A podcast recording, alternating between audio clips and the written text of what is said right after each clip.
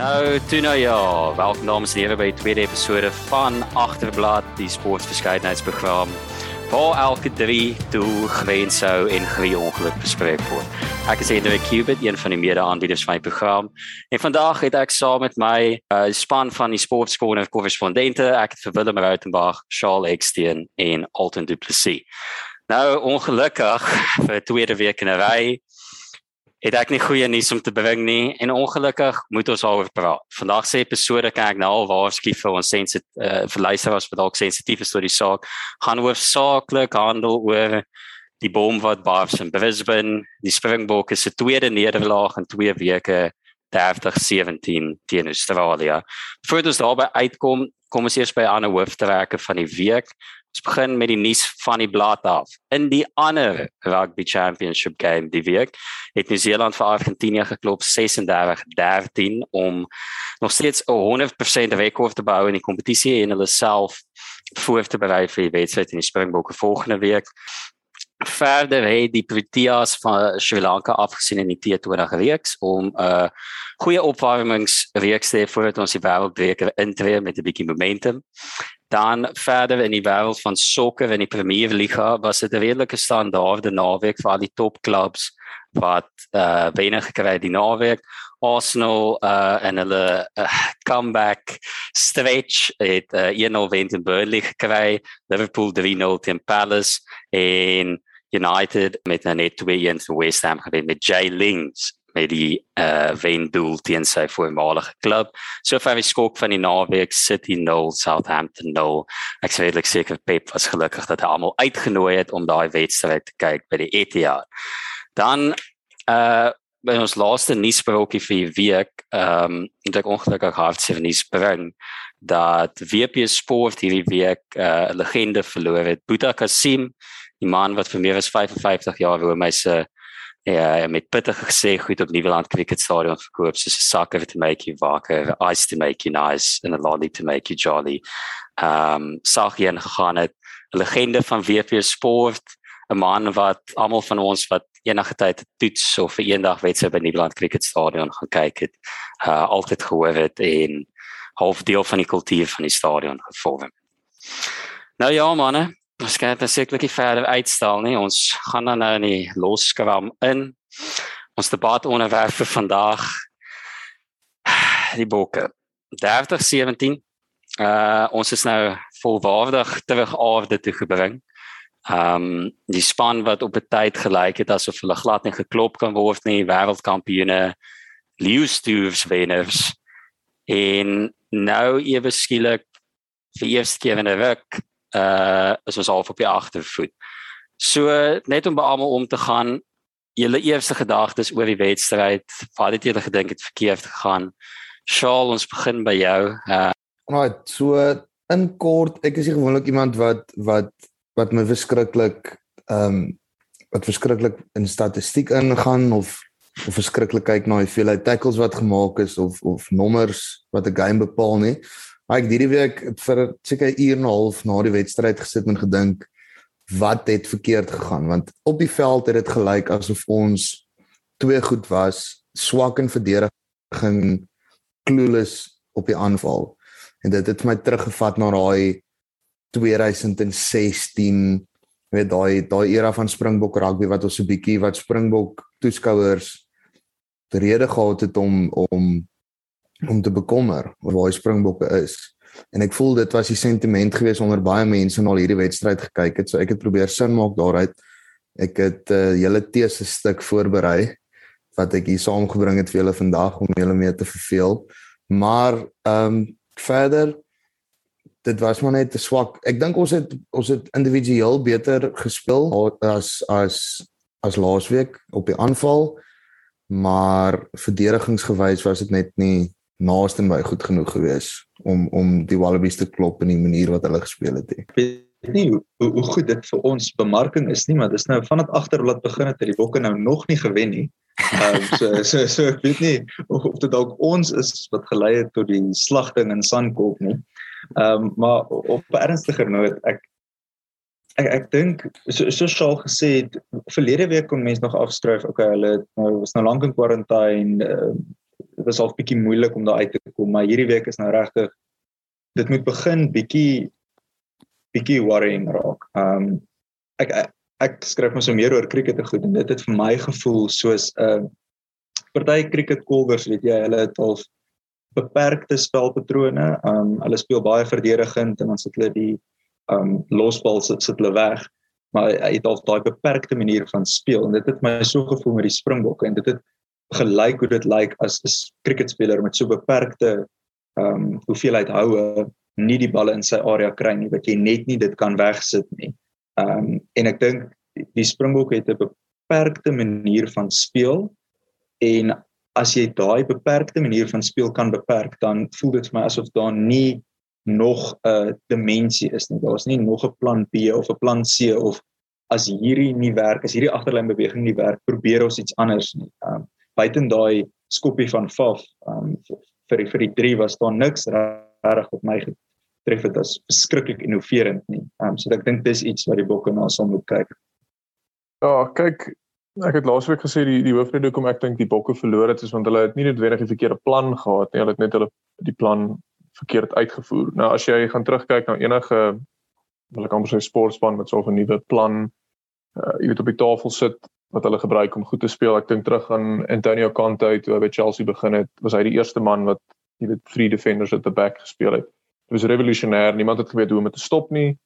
En dit het vir 'n tyd lank goed gewerk tot almal basies uitgefigure het hoe om dit te stop. Eintlik die punt wat ek maak is dis 'n sikliese ding. Dit is uh, jy weet een van 'n innoverende idee kom na vore, een van 'n afrigter set sy span op 'n spesifieke manier op wat dan so speel, dit werk baie goed.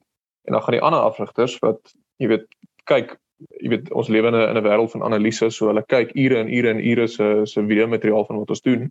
Hulle figure uit wat ons doen en hulle kry 'n plan wat dit teenwerk. So 'n baie praktiese voorbeeld wat ek dink wat nou by hierdie naweek gebeur het, is een ding wat Australië regtig baie gedoen het, is hulle het nie die bal uitgeskop nie hulle het die bal heeltyd diep teruggeskop want hulle het geweet hoe ons wil speel is ons wil die lyn staan kry 10 15 meter mol of 'n penalty kry en dan paal toe skop of die bal launch tot in hulle 25 en dan kompeteer vir die bal en ons sit hulle op die agtervoet. Nou ewe skielik het ons die bal in ons 25, so ons is 20 30 meter verder terug. Maar ons het glad nie daai vorentoe beweging nie. Ons het nie 'n struktuur nie. Ons span is oral oor die veld.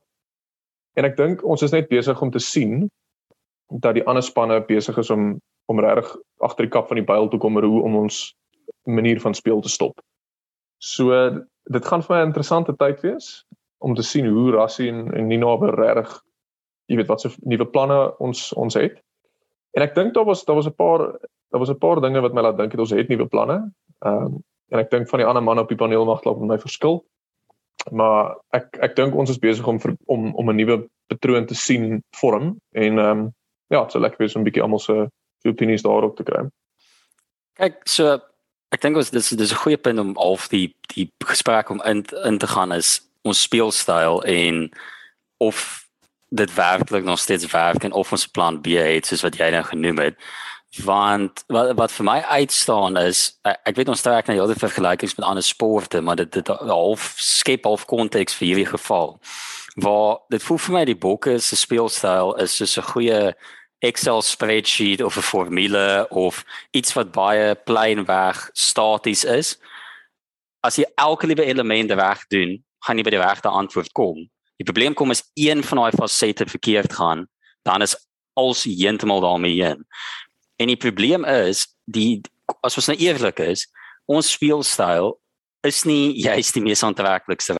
Maar as toeskouers vergewe ons dit want dit bied resultate. Dis dieselfde as die die Jose Mourinho syndroom vir die wat sokker kyk is as as hy in jou klub inkom, jy speel 'n manier van verdedigende sokker waar dit is nie lekker om te kyk nie, maar dis lekker vir jou as 'n toeskouer om half te spog oor die feit dat almal anders haat om te kyk hoe jy speel, want hulle haat om te kyk hoe jy wen. Nou die probleem kom as die een kraan toegedraai word in terme van die resultate, dan kom almal anders agter dat die ander kraan glad nie werk. Van dan droog dit heeltemal op. En dit is die probleem wat ek met die span het en waar ek nou graag na die res van julle wil gaan is dink julle ons speelstyl is iets wat nog steeds resultate kan bied of is ons nou soos wat Willem half begin noem het hier teen die einde is ons half nou al uitgevind want as ons eerlik is het ons speelstyl stagneer vanaf 2019 ek weet ons het die hele pandemie gehad waar ons glad nie gespeel het nie en dit het die resultate gebied in die Lions maar aan die ander kant die Lions is 'n span wat vir 'n maand bymekaar kom en half afgerig word om vinnig uh pragmaties te wees om net resultate te kry. Hulle het nie 'n set speelstyl wat hulle maand in maand uit kan oefen soos wat spanne soos Australië. So wat met die speelstyl het al vir julle uitgestaan of elemente wat julle dink verkeerd gegaan? Shaw Um ek dink die Springbokke is nog steeds die beste verdedigende span in wêreld rugby. Maar ons het hierdie naweek gesien met die hoeveelheid missed tackles wat al was dat en net die hoeveelheid tackles wat gemaak was. Ek dit dit voel vir my as ons verdediging sukkel het ons geen ander plan om in 'n in 'n wedstryd waar daar baie punte aangeteken word te kan terugbeklei en en te kan druk plaas op die op die op die oppositie nie want wat ons baie goed gedoen het in die wêreldbeker en teen die Lions is deur kranige verdediging eenvoudig net 'n vloei van punte stop te sit. En as dit nie gebeur het nie, soos wat dit nie hierdie naweek gebeur het nie, is dit vir my moeilik om te dink hoe gaan ons druk kan plaas op op 'n ander span. Dis hoekom ek nog steeds 'n voorstander is van die van die 6-2 split. Ek dink dis die beste manier om dit om om daai druk vol te hou. Maar anders buiten dit is sal ons vir Jagen verrassie sal moet sal moet mooi sit en dink. Maar Shaw, jy noem nou dat ons hele stelsel op verdediging gesentreer is en dit is van ons het ons afrigter wat nou is is ons voormalige verdedigingsafrigter maar die oomblik van ons al in 'n span in staan gekom het wat eintlik nogal aanval rugby doen en baie half hulle ek weet hulle hulle hulle is daar vir my die moderne uitsien op rugby waar dit is flicks en is cross kicks en is hier en is daar en die bal is so amper soos 'n circus act met offloads half die die Sunny Bull Williams manier van speel wat internasionale rugby nou is. Is ons verdediging regtig so goed as dit teen spanne gaan wat um, goed is met hardloop met die bal? Dink ons so? My my eerste my eerste ding wat ek sal op terugkeer, ek gaan nou aan Willem oorgie om stats te gee miskien of so. Maar net 'n interessante tussenwerpsel is dat hier op my in my teses het ek dat die hoeveelheid clean breaks wat Suid-Afrika gehad het as jy kyk na die hele span, dit ingesluit reserves, almal wie op die veld was Saterdag. Ons het een clean break gehad van Seboon Kossie. Dan kyk ek hier aan die linkerkant van my bladsy. Dit ons het een clean break gehad die hele wedstryd. Aan die ander kant van die bladsy dat daai two post dit wat daai daai wonderlike offload gegee het um om die 3 te, te op te set vir Australië het dubbel dit. So is dit 'n geval van die eie twee. Is dit 'n geval van ons stelsel is nie reg nie of was ons individuele spelers net sleg? So ek dink as ou verder in die stats inkyk, soos wat Willem nou kan verduidelik aan dan is dit dalk iets om oor te praat. Ja, ja kyk, eh, Tanila Tupa is ook uh, hy's 'n genetiese fenomeen. Daai man is 25 jaar oud, hy hardloop asof hy buite senter is. Hy, jy weet, hy hy fliks asof hy Sanibel Williams is en hy skram asof hy Frans Malherbe se ewenknie is. en maar op, die ding is ek dink ons baseer 'n baie groot deel van ons spelpatroon op verdediging, maar enige span moet eintlik dit daar's geen span wat jy weet onder 80% van hulle tackles maak en, en jy weet gereeld toetse wen nie. Ons het net om vir julle 'n bietjie praktiese statistieke te gee van kom ons noem dit nou die die die die bokke wat hulle spelpatroon goed basies uitgevoer het en ek sit ek wil graag twee toetse opbring vir dit. Die een is die Wêreldbeker finaal waar so Engeland 32-12 gewen het. En die tweede toets wat ek graag wil opbring is die Lions, die tweede Lions toets waar ons vir Australië waar hulle 29-27-9 gewen het. In die toets teen die Lions het ons 136 tackles uh, probeer maak en ons het 121 daarvan gemaak. So dis 'n dis 'n uh, suksesrate van 89%. In die Wêreldbeker finaal het ons 172 tackles probeer maak en ons het 158 daarvan gemaak. Ons het net 14 gemis. Ons het 92% suksesrate gehad met ons tackles daar. Ons het in beide hierdie toetse waar ons 136 en 172 tackles probeer maak het en net uh so 14 en 15 gemis het. Ons het meer tackles gemis die naweek waar ons net 69 probeer maak het. As wat ons as wat ons ehm um, gemis het in in daai twee toetse, ons meer as dubbel die aantal tackles gemaak het. So dit is baie duidelik dat ons 'n ongelooflike slegte dag, jy weet in die op die kantoor gehad het basies vir verdediging jy kan nie toetse wen as jou as jou tackle suksesrate onder 80% is nie. En ons speel op ons beste as dit hier rondom 90% is en ons ons het die vermoë om dit te doen. Ek dink 'n deel so ons op die 72% wat ons nou hierdie naweek gehad het, ek ek dink 'n deel daarvan is die meer gebroke manier van speel hoe Australië dit bewerkstellig het. So ek dink ook dis nie net ons wat tackles gemis het nie. Ek dink wel ons het baie belangrike tackles op belangrike tye gemis. Ek dink terug aan Pollard vir daai drie wat hulle gedruk het, hulle senter net daar onder die palle. Dit was 'n one-on-one tackle. Daar's niks vir die span anders kon doen nie. Dit is net 'n geval van jou man met die ander man duik. Dit is so eenvoudig soos dit. En dit is die tipe goed wat ons nie doen nie en dit kos ons net die heeltyd punte. Dit voel vir my dit is die een ding wat op vir my regtig uitstaan in die afgelope paar wedstryde. Is elke keer as ons 'n dom ding doen, dan kos dit vir ons punte. En ons ons ons is ons eie grootste vyande. Ja, ek ek stem heeltemal saam. Ek dink soveel as mense kan praat oor ons um verbroude duikslaan seker tipe goed. Ek dink dit is tog belangrik om ook te praat oor die spelpyl en, en hoe ons probeer speel want op die oomblik uh, essensieel hoe ons speel ons probeer foutvrye rugby speel. En die, dit is fyn as dit jou plan is om foutvrye rugby te speel en ons probeer net so min foute as moontlik maak. Maar die probleem is dan as jy 'n afdag op kantoor het, dan is daar niks wat jou red terwyl as jy bietjie meer flair het, bietjie meer aanvallende rugby probeer speel, dink ek, dan selfs al het jy 'n afdag op verdediging, is daar die moontlikheid dat jy gered kan word deur bietjie meer aanvallende spel. Uh, soos ek, ek persoonlik dink ek nie ons sal ooit 'n wedstryd sien waar die Bokke 35-32 wen nie. Vir my altyd enige wedstryde wat ons wen is regtig vir ons fantasties verdedig en dan heeltyd 'n paar strafskoppe oorskop en dan ehm um, of die ander span net uit die game uit probeer duik.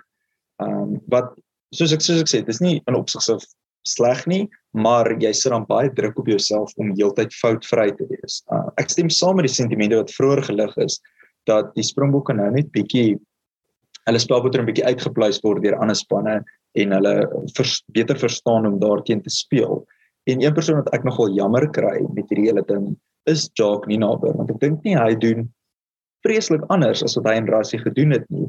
Dis net die pandemie het vir spanne tyd gegee om ons spelpatroon te analiseer en en uit te pleis en nou is dit hy half met die gebakte pere. En omdat daar nou hierdie oorgang is, dink ek vat hy verskriklik baie kritiek. En ek is nie seker dat hy vreeslik veel anders doen as wat Rassie sou gedoen het nie. Ehm um, ja.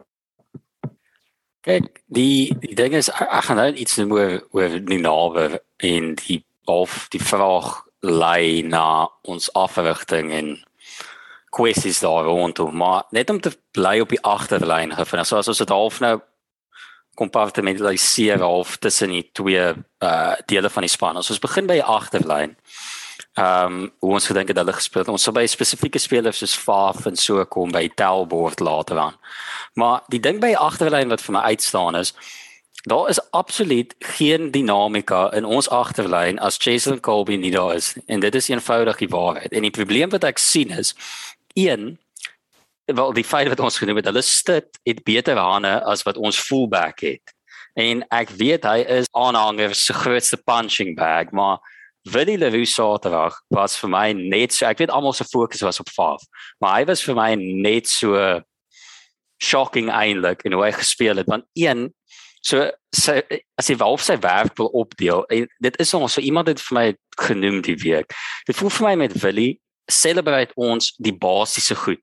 As Willie op 'n dag die bal raak vang daar agter, dan sê ons het 'n great game gehad en dan is hy half die link in dit. En ek dink die half die die bal in die lug was sy probleem nie. Nou, weet jy, een nie een van sy skoppe voel is vir my uitgegaan nie. Het het die kantlyn gehaal die hele wedstryd lank nie. En nommer 2 in die agterlyn was dat ek kan 3 keer in die wedstryd noem waar hy die die laaste man was wat die bal moes gee na die vleuel wat half die overlap gehad het langs hom. Waar hy eenvoudig die bal net agter die ou gepas het of heeltemal misgepas het op so lank die bal gefloat het dat die hele verdediging van Australië net kan shift en dan het jy 'n geval waar dit maar Pimpie teen vier ouens is en dan duik hulle hom net uit.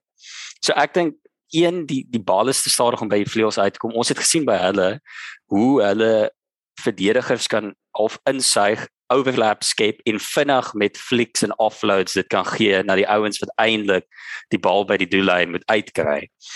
En ook 'n ander ding wat my pla met ons ek ek dink ons het half tot 'n mate sal ek saamstem met wat Willem gesê het dat ons half iets anders te probeer het om die bal by die vleuels uit te kry. En die probleem kom dan daar was geen uh ondersteuning om die bal weer te wen by die losvermaak. Daar was absoluut niemand daar om die bal te wen nie. En die ding is net ook laaste ding wat ek wou agterlyn sien, en dan sê ek gou by julle ook hoor wat julle gedink het van sê van 9 tot 15 en die ouens wat opgekom het. Ek dink net met ons senterpaar. Ek voel die Allende in om um, se hele speelstyl en sukses is gekonsentreer dat hulle uitstekende verdedigers is. Die probleem kom as jy dan nie verdediging het nie, wat bied jy op die aanval? En ek dink nie in enige van hierdie twee wedstryde het ek ek weet almal uh, twee wedstryde drie gekry van die van die skopie af, maar dit voel net vir my die alle twee in terme van 'n lynbreek of hardloop met die bal in vorige voorbeelde van senterpare wat ons gehad het, is nie daar. Ek weet jy dalk is ek nou jy weet half in die oomblik vasgevang en reageer nou hopeloos te erg op twee games wat ons verloor het, maar ek sê gou voor wat julle dink van hoe ons agterlyn funksioneer. Ehm um, vir al die naweek teen Australië.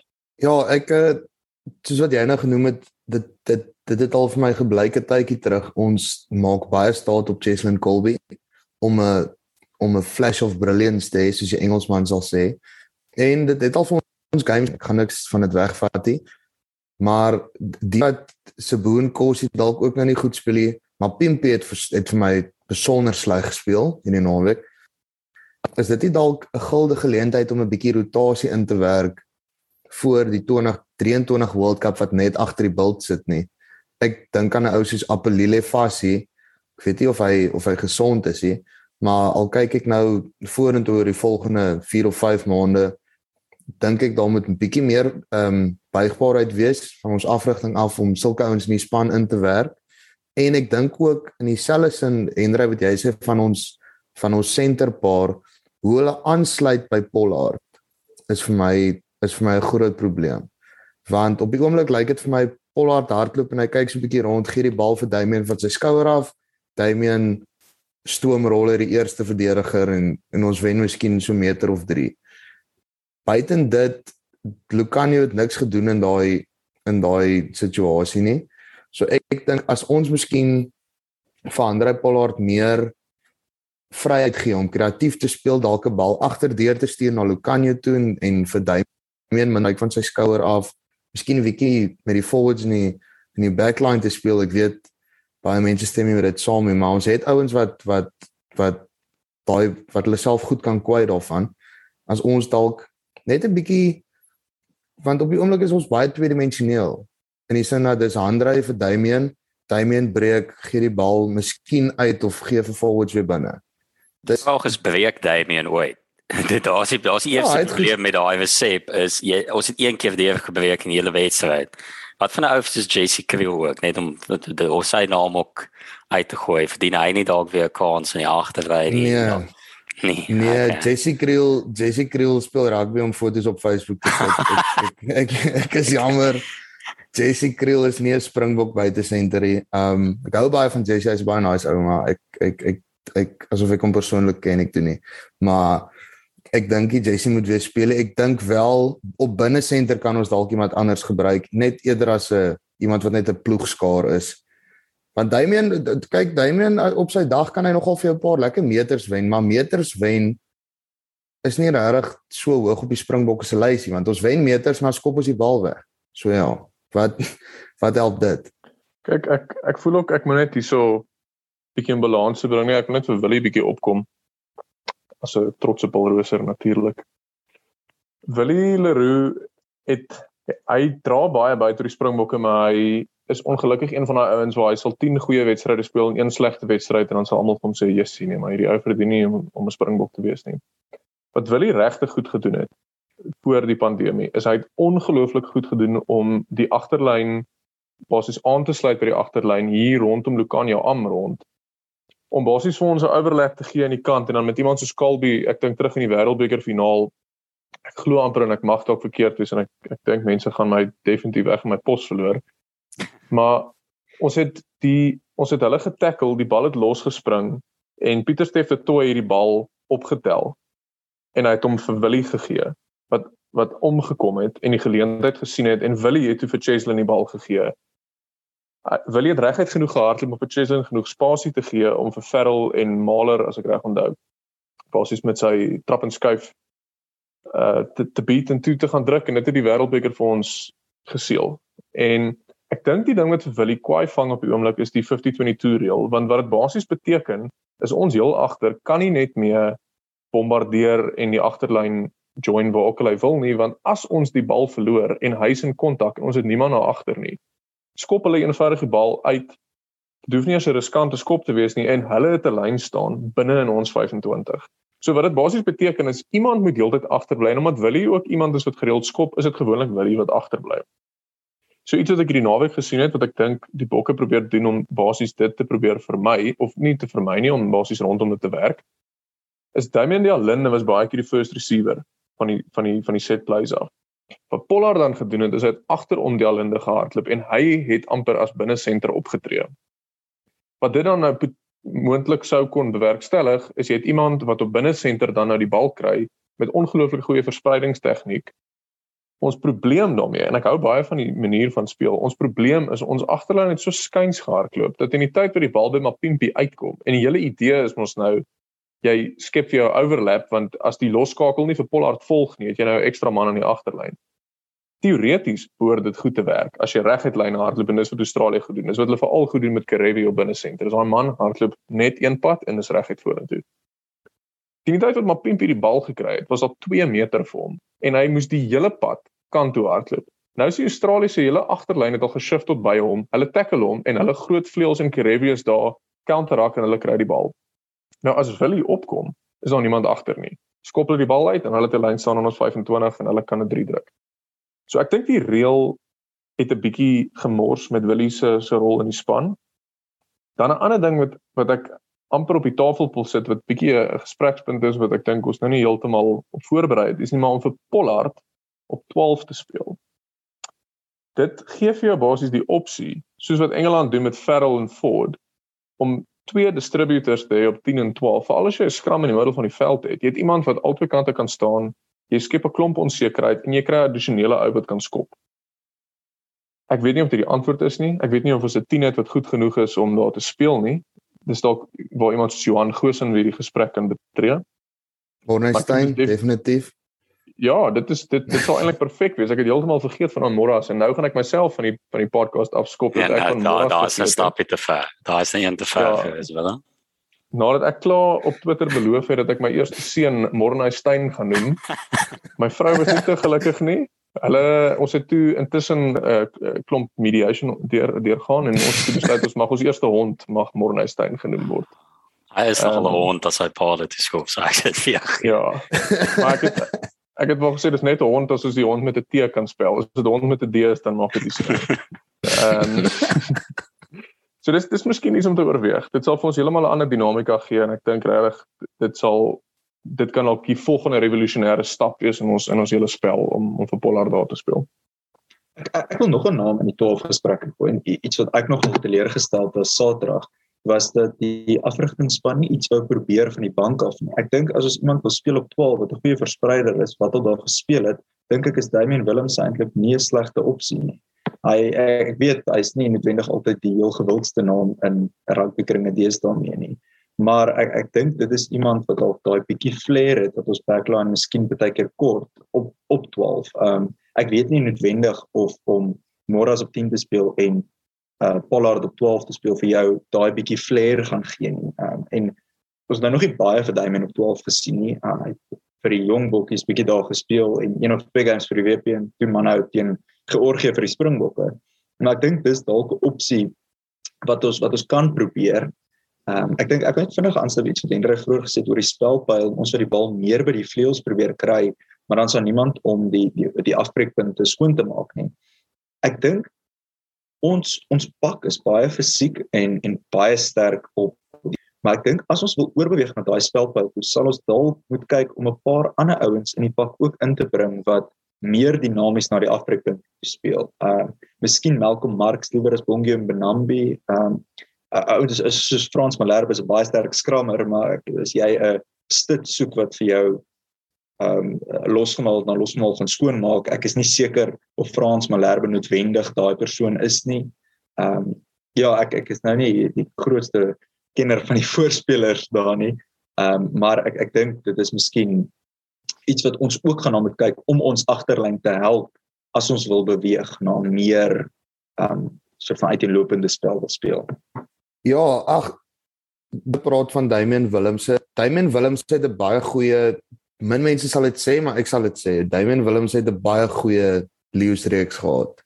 Hy het goed verdedig, hy het goed in die spel ingepas toe hy op die veld gekom het. Nou nie baie maar dit wat hy gedoen het is goed.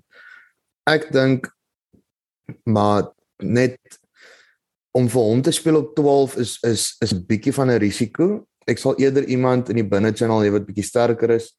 So ek voel ou soos Johan Goosen dan op 10 gee nog steeds vir jou genoeg flair van 'n gehandjies. Hy het ook goeie visie en dan 'n breker te hê in die middel soos soos Pollard om die Allende se rol te vervang. Ek is seker Pollard sal kan vervul as hy hard soos hy hardloop die hardste van enige fly off in wêreld rugby. So as ek wil ook nou nie terugsit en van Andre Pollard ou en Ferrel maak nie. Maar as dit is wat moet gebeur om te wen, dan dink ek Johan Goosen is dalk 'n korttermyn antwoord in daai opsig.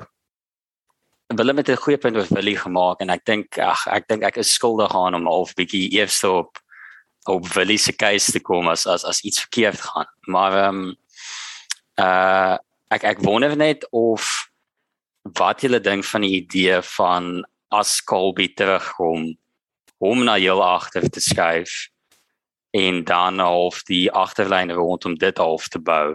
Ek dink julle sal nou af na senter skuif want ek ek weet Colby is uitstekend op die vleuel en ek dink hy sal goed doen. Hy doen natuurlik goed daar, maar ek wonder of hy 'n ander dinamika na fullback sal bring. Want ek sien klips van die man wat van 50 meter af weg drop goals oor oor die paal seil vir sy klubspan so ek ek ek kan nie glo dat hy nie op fullback sal werk nie. So ja, altyd is daar iets wat jy nog wil noem by die agterlyn gaan. Yes, ek wil net vinnig nog oor Damian sê. Ons het vroeër gepraat oor ons soek dalk bietjie meer offloads as ons kyk na hoe Australië speel goed. Die laaste statistiek wat ek sien het Damian Willems se die meeste offloads gehad in daai super rugby die provinsiale een wat hulle hierso gehad het. En dit was van heel agter af. En ek dink dit is dalk iemand wat jy goed sou kan gebruik in die middelveld om net jy weet net half deur te kom, 'n skouer deur te sit en te kan offload vir Lucanio Am of wie ook al uh, in die buitesenter kanaal hardloop.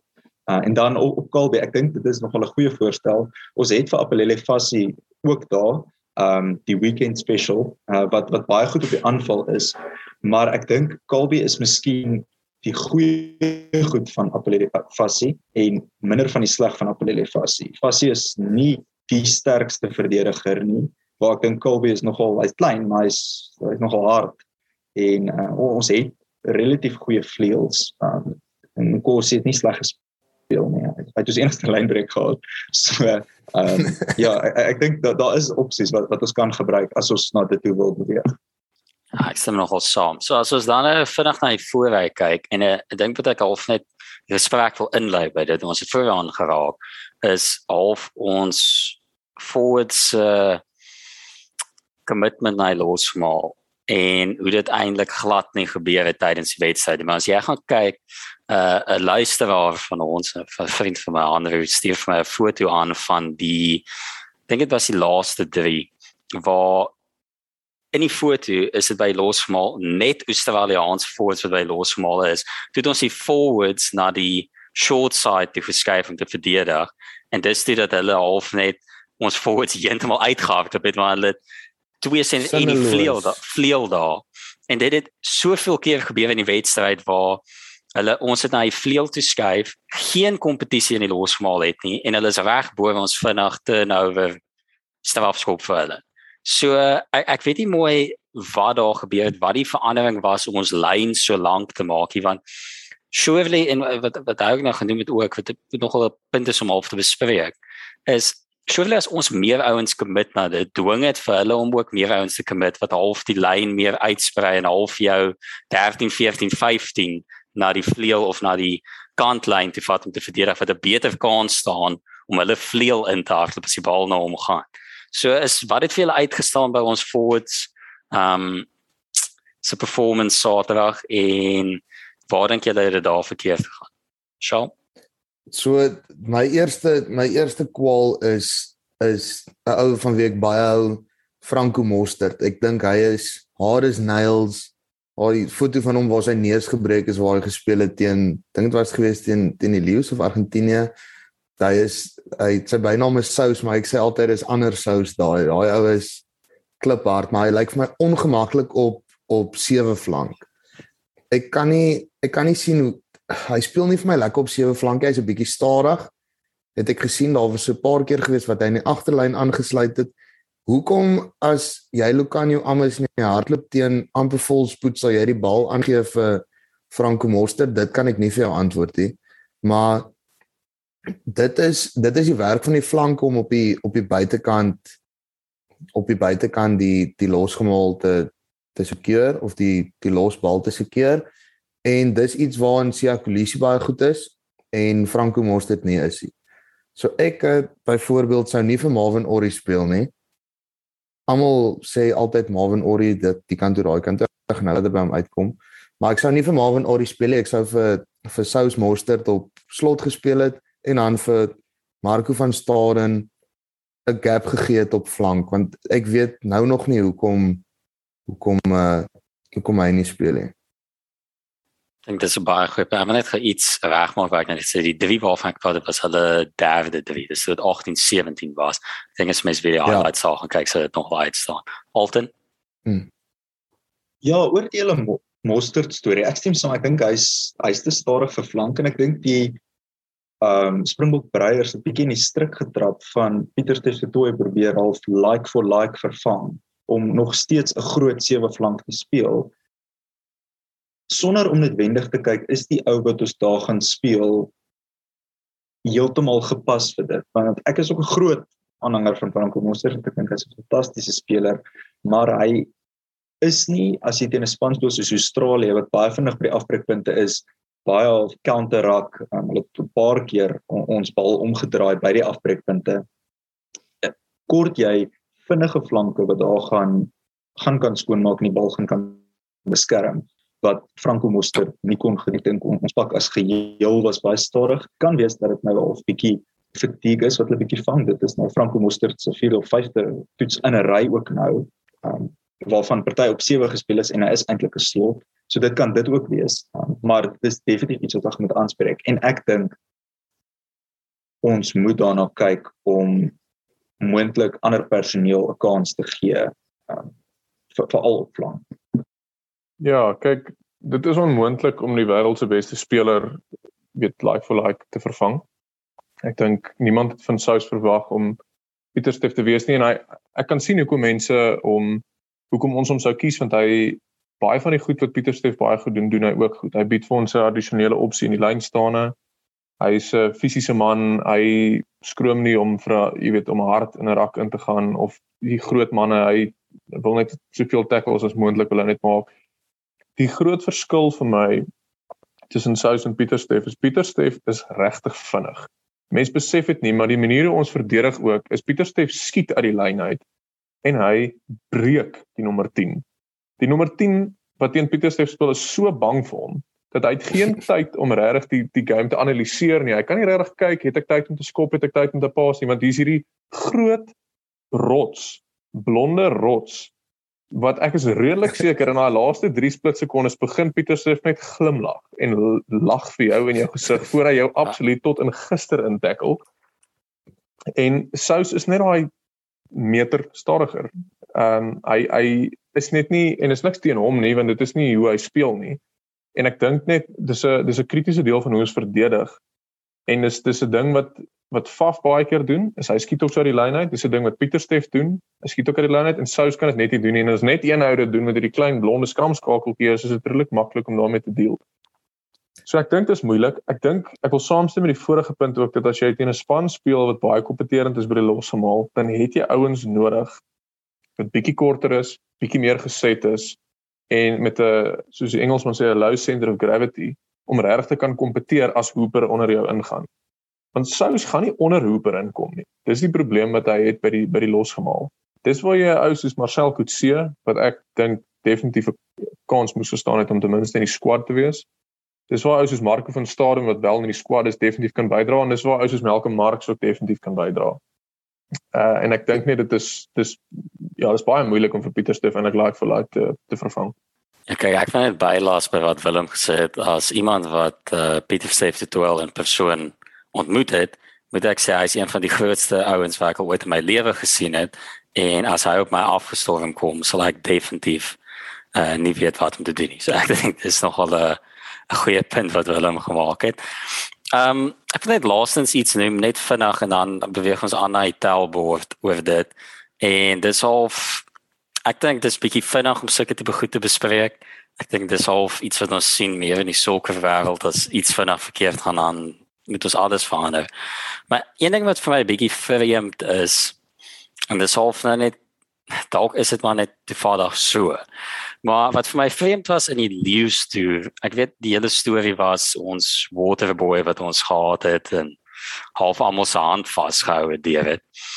Maar dit was vir my vreemd hoe baie aandag aan aan rasie gegee is tydens daai toer en hy was een wat baie keer na wedstryde gepraat het en mense het al vergeet dat Jacques nie naby afrigter. Dis hoe ek gevoel het. Mense het al vergeet dat hy die afrigter is want dit was basies die rasie show gewees tydens die toer. En nou vir die eerste keer is die man nie daar langs die kant van die veld nie en hy's nie daar in die locker room wat praat nie. En ewe skielik voel dit vir my begin dan nou iets fout te gaan, begin dan nie veranderinge te kom nie.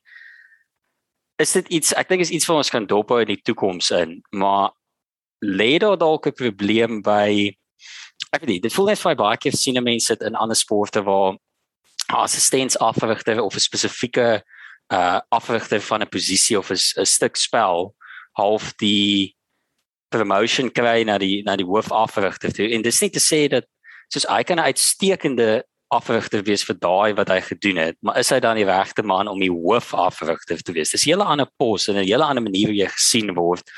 En is dit dalk maar 'n geval waar die ouens gewoond moet raak aan iemand soos Rassie wat nie daar is nie?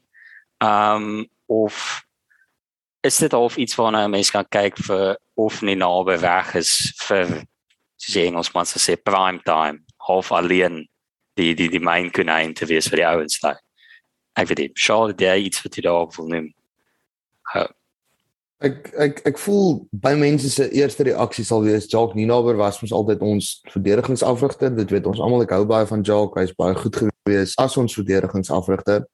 En dan dan kyk ek na die hoeveelheid tackles wat ons gemis het dan sal baie mense sê maar dalk moet ons actually uh, eintlik fokus om te verdedig. Dit voel vir my jy het iemand beweeg wat in 'n baie sterk posisie gehad het in die span wat hom baie goed van sy taak gekwyt het en hom ek wil nie sê verwyder het van sy rol nie, maar hy is natuurlik minder betrokke nou daar. Dit is geen mens kan so baie balle in die lug hou nie. Ek wonder of daar nie dalk 'n fout gekom het met werkslading versprei is nou in die in die Springbok kamp nie. Ja, kyk en ek dink ook ons het amper nou geraak aan 'n baie belangrike punt wat ek dink mense ook bietjie vir die Springbokke net weet ons moet vir hulle krediet gee vir dit ook of nie krediet nie ons moet ons moet bietjie meer verstaan. En dit is die feit dat ek dink die leeu soos 'n ongelooflike emosionele uitputtende ervaring. Dit was 3 toetse die eerste 3 toetse wat hierdie span weer speel na basies 2 jaar van omtrent geen rugby nie behalwe nou dis wat in Europa speel En ek dink net die ouens het net nie kans gehad om te rus nie. Ek dink die jy weet elke week was daar hierdie ongelooflike groot kontroversie rondom Rassie en rondom die span.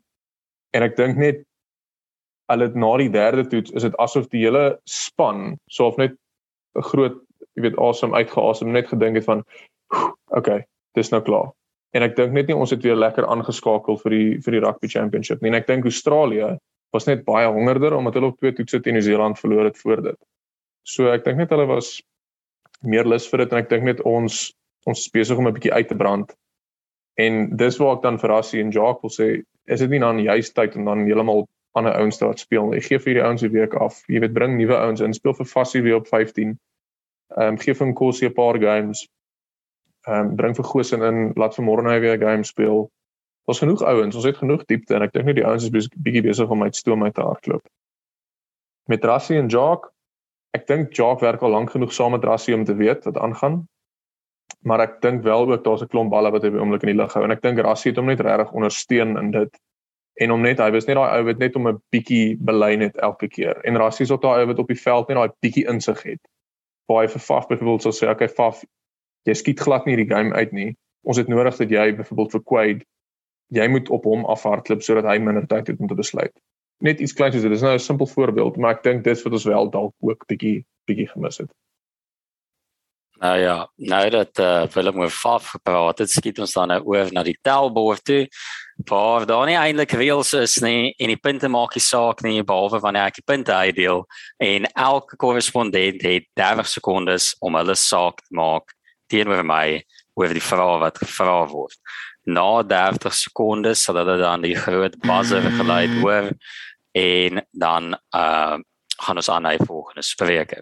So dan met dit dan nou als 'n aggenome eerste vraag vir vandag wat rondom faf staan. So die eerste vraag vir vandag is gebaseer op faf se performance is hy die regte man om in die volgende toets op nommer 9 te speel of moet ons kyk na iemand soos 'n uh, Shulyankies of 'n Kobus Reina. Enigiemand wat wil inspring, sal ons begin by jou. Right. So ek het vandag gaan kyk op Instagram, Facebook, Twitter, alles of Kobus Reina nie dalk beseer is of dalk deur 'n vragmotor raak gery is hy, maar ek het geen idee hoekom hy nie speel nie. Kobus Reina uitstekende skopspel wat sou nie het nie wat baie ander ouens nie het nie. Baie vinnig om die los uh om die om die losbal ek dink hy's die perfekte plaasvervanger vir 'n afvorm vaf. Okay, goeie argument Alton, ons skuif na jou. Yes. Uh my probleem is nie so seer met Faf se spelstyl nie. Um ons het gesien hy het weer 'n goeie skopie deurgesit vir die 3. My groot probleem is hy het regtig dom goed gedoen Saterdag. Daai geel kaart wat hy gekry het, dit was regtig soos in Engels is cynical foul, dis stupid. En as jy sulke simpel goed doen, dan verdien jy in my oë nie om die volgende week te speel nie. Sit een uit ek weet nie om wie die plaasvervanger is nie, maar as jy sulke simpel goed doen, dan moet jy nou eers begin die afkoelstoel gaan sit. Okay, ek dink dis goeie argumente ter beide manne. Ek dink ek sê punte tussen albei split daar. Volgende vraag vir ons dan. Baie kontroversiële vraag. Dis al wat wêreld rugby ons gewaarsku het konstant is was ons wêreldbeker wen in 2019 eintlik maar net 'n skoot van geluk of het ons regtig verdien om gekroon te word as die beste span in die rugby? So iemand wat wil begin met hom. Willem. Ek dink daar's daar's 'n mate van geluk in elke wen. Ek dink as jy gaan kyk die Wallis game, ons het 'n kritiese penalty gewen deur François Lou wat opgekom het om basies die game vir ons te swaai. As hy daai penalty afgestaan het, het hulle geskop en hulle deur gegaan. So ek dink enige wêreldbeker wen het bietjie geluk. Maar as jy gaan kyk na statistiek, ons het in 1995 gewen, 12 jaar later in 2007 het ons gewen. 12 jaar later 2019. Dit is nie ons skuld dat ons op 'n lineêre tydlyn werk nie, so ek dink daar was net een wenner en dit sou ons wees. Ja, kyk, dit voel ook vir my die Springbokke is ook altyd altyd spannend. Voel vir my daar moet iets eers verkeerd gaan in die land, polities, ekonomies, enigiets en as die bokke daar om ons te red. Shall ek dink die die groot faktor of dit geluk was of nie is of Engeland vir Nieu-Seeland gewen het, sou ons gewen het teen Nieu-Seeland in die finaal. Dan moet jy dus vra, was dit 'n gelukskoot dat Engeland vir Nieu-Seeland gewen het? En ek sê ja want Engeland die manier wat hulle in die finaal gespeel het teen ons was nie die hulle was nie die tweede beste span in die wêreldbeker ek dink ons het 'n klein bietjie geskor wat wat die volhoubaarheid van ons wen af bietjie bietjie knou net betyds van Asie Bazer Alton Ja, ek sou nie sê dit was 'n vloekskoot nie. Ek dink ons het baie goed gespeel in die Wêreldbeker. Ons het natuurlik in Nieu-Seeland verloor en ons het nou nie teen hulle finaal gespeel nie. Ek dink wat net gebeur het is ons is nou bietjie uitgepleis. Ons spelpyl span het nou uitgefigure en dit is nou hoekom dit ons nou bietjie inhaal. Dan wil ek net sê oor julle politieke ding wat die bokke bietjie aanvuur. Um, ons het gesien met die leaking het dit bietjie gehelp. Ehm um, die hele leusreeks en so so ons moet dalk kyk om daar bietjie na hoës te gaan of ons 'n paar goedjies te gaan haal miskien. Uh, ek wil net uitwys dat agterblad motiveer nie sulke aksies nie en uh, is nie verantwoordelik vir enige aksies wat altyd motiveer. Uh kyk, ek moet nogal saamstem uh met almal wat gesê het dat dit nie 'n gelukskoot is nie, want ek wil nie vir iemand se Sir Clive Woodworth daai kreditasie sien om te sê dat ons saamstem met hom nie so ek wil positief bly. Ek wil sê dankie Rasie, dankie Bokke 212 vir daai en dan laastens ons het geraak aan ehm um, Johan Goosen moet hy in die bokspan inkom, is dit tyd om hom weer terug te bring. Is enig enigiemand wat daar wil begin met hom? Willem Kyk, ek dink mense moet hier met jy 'n langtermyn teenoor 'n korttermyn argument maak. Ek dink as jy langtermyn wil kyk en die span wil regtig as Jacques en Rassie regtig vir Damien Willems in die span wil hê, dink ek dis dalk beter om hom meer speelkans te gee. Ek dink terug aan 'n Graham Smith wat ongelooflik jonk was toe hy die Protea kaptein geraak het. Hy was nie net nog so goed toe nie, maar hy het regtig in een van ons definitief een seker die beste toetskaptein nog ooit ontaard. Korttermyn dink ek regtig Gosen kan iets anders bied vir die span. Hy kan vir ons heeltemal 'n ander dinamika bring en ek dink hy kan hy kan ons Finn Russell wees. En maar dit hang af hoe ons uh, afrigtingspan daarna kyk. Also net tyds vir Basil Shaw ek uh, ek moet sê ek ek voel Johan Gosen is 'n goeie opsie om te hê as 'n speler wat wat vir jou rotasie kan bied. Al speel hy nie vir jou 'n 'n dinamiet wedstryd elke weekie. Ek dink die rigiditeit van die Springbok span is wat hulle onder gaan kry en al onder gekry het in die verlede. So leer ons moet leer uit ons foute uit en niemand hê wat vinnig in kan slot en bietjie afwisseling bied. Martina, ek dink almal het goed gedoen die week om by die tyd te bly. Ek moet sê, as dit nou spesifikasies van punte nie, maar ek glo almal van ons het dan 'n bietjie meer punte aangeteken as wat die bokke Saterdag het. Dan nou aan na uh, ons volgende segment, bietjie meer positiwiteit inspreek. Ons hoek van helde. Nou, ek wil graag by elke korrespondent hoor wie hulle sportster was wat vir hulle die week uitgeblink het. Uh, ek is redelik seker uh, nie een van hulle gaan ou wees wat 'n groen goud trui gedra het nie. Maar waar gaan ons begin? Wie wil vir ons begin met 'n hoek van helde kandidaat die week? Ek wil graag vir Julian Montoya as my hoek uh, of my held vir die week na vore bring. Vir die wat nie weet nie, hy het vir Will Jordan, die Nieu-Seelander op 'n eg Suid-Afrikaanse manier nou Montoya as Argentyn. Hy het vir Will Jordan op 'n eg Suid-Afrikaanse manier uitgevloek terwyl Jaco Piper die skeieregter was. So Jaco Piper was wel bewus van wat aangaan. Die Nieu-Seelanders was teen teen glad nie bewus daarvan nie en ek het dit ongelooflik snaaks gevind. Ja, dit is nog al 'n solid een shawl.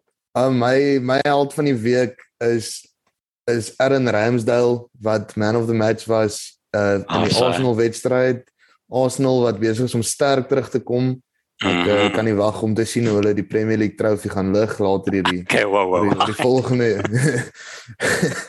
maar ek wil net op op Ramsdale, nood van Ramsdale is ek weet self hoekom ons hom geteken het en ek dink baie Arsenal ondersteuners weet nie hoekom ons hom geteken het nie. Maar hy het tog bewys hy hy gee sy bes vir die span. Hy hy het baie goed gespeel. So Aaron Ramsdale en Aaron Ramsdale en Arsenal wat wat gestyg het bo kritiek. Ek dink hulle is my helde van die week. Alton Ek wil aan aan twee goed raak. Ek het eintlik gehad die Protea vroue kriketspan as my held van die week. Hulle speel fantastiese kriket en ek dink ons moet hulle dalk meer dop hou as die mans in die wêreldbeker wat kom.